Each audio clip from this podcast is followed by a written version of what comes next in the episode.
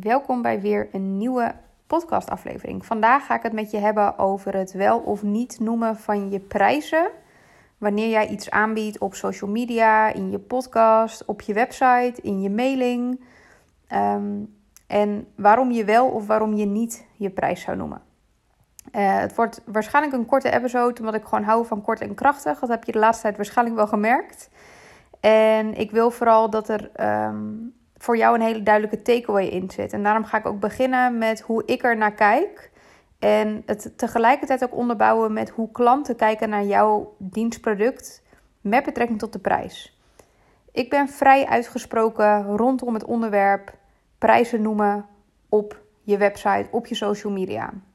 Ik ben echt van mening dat je dit altijd moet doen.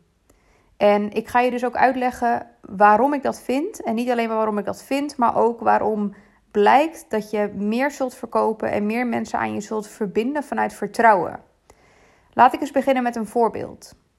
Stel dat jij op zoek bent naar een nieuwe bank of een nieuw tv-meubel of misschien een nieuwe tv.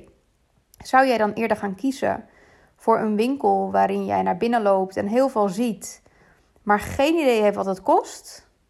Of zou jij liever naar een winkel toe gaan waar je rustig om je heen kunt kijken en bij elk item wat je tegenkomt ook een prijskaartje ziet staan?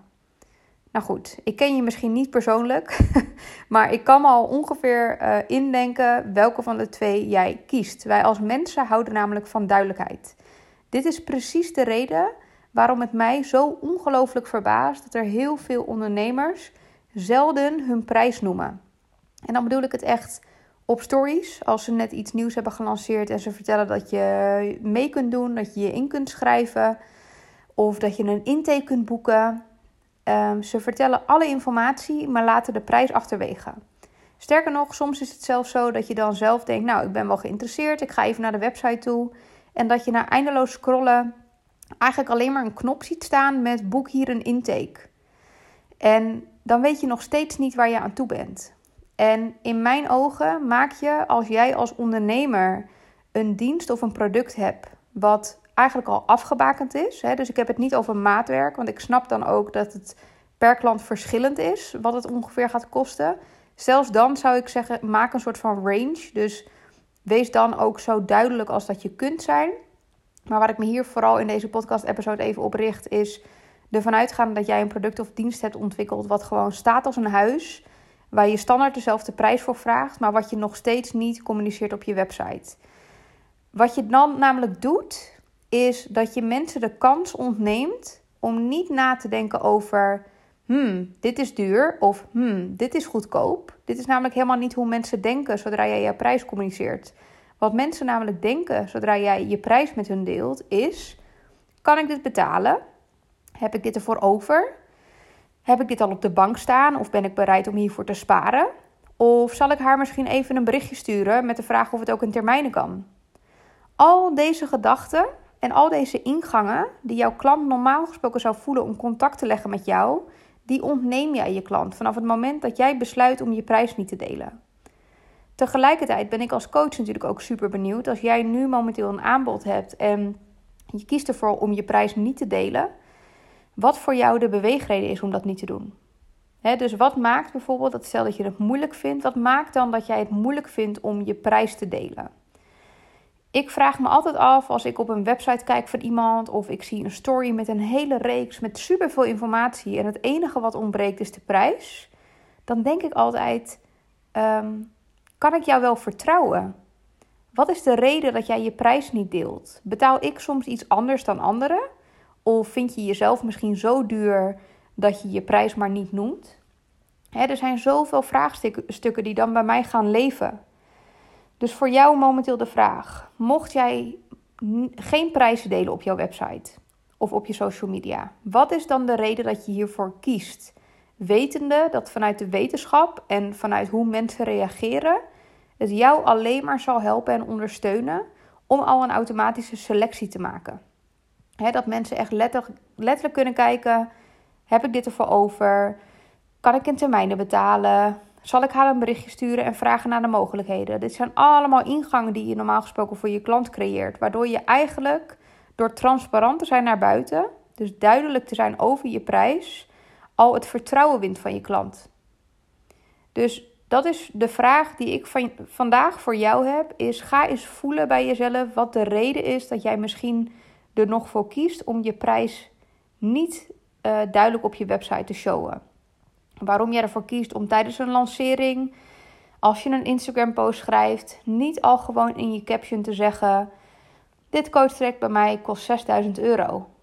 Hè, wat is de reden dat je dat nog niet doet? Want stel dat je het moeilijk vindt omdat je nog niet helemaal achter je prijs staat, dan zou ik zeggen: ga eerst daarmee aan de slag. Wat maakt dat jij nog niet achter je prijs kunt staan? Wat heb je daarvoor nodig? En ga eerst daarmee aan de slag. Maar leg niet die shit of ehm, het feit dat je het moeilijk vindt of het denken in tekorten. Leg dat niet bij je klant neer. Want dat is wat je automatisch doet. Op het moment dat jij er niet open over kunt zijn, dan leg je dat probleem bij je klant. En je klant krijgt onwijs veel onduidelijkheid. En die wil gewoon weten waar die aan toe is. Dus ik hoop dat ik je een beetje aan het denken heb kunnen zetten vandaag met deze podcast-aflevering. Eh, Mocht je met me willen delen ehm, waarom je het wel of niet doet. Of misschien heb je een compleet andere visie die je hierop los wil laten. Weet dat je me altijd een berichtje kunt sturen. Vind ik super interessant. Ehm, ik sta altijd open voor heel veel verschillende manieren om naar dingen te kijken. En uh, hetgene wat ik vandaag met je deel is mijn ervaring na zes jaar ondernemerschap en drie jaar ervaring als coach. Ehm, maar ik leer ook nog steeds. Dus mocht je bijvoorbeeld nog meer uh, beweegredenen hebben waarom het inderdaad goed werkt als je je prijs deelt. Uh, misschien kun je het zelfs nog meer neurologisch onderbouwen. Of misschien ben jij helemaal van de andere kant. Laat het me alsjeblieft weten. Hetgene wat ik uh, vanuit persoonlijke ervaring met je kan delen, is dat vanaf het moment dat ik duidelijk ben geweest over mijn prijzen, ik zelden minder heb verkocht.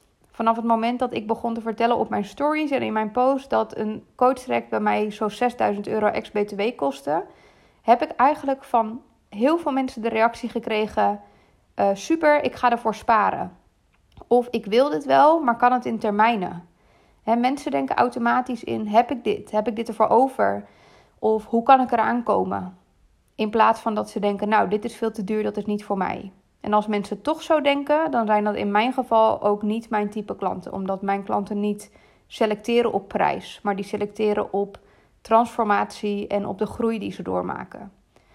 Dus besef je dat ook, dat jij ook door open te zijn over je prijs automatisch al een selectie, er automatisch al een selectie plaatsvindt. Of mensen wel of niet besluiten bij jou te kopen.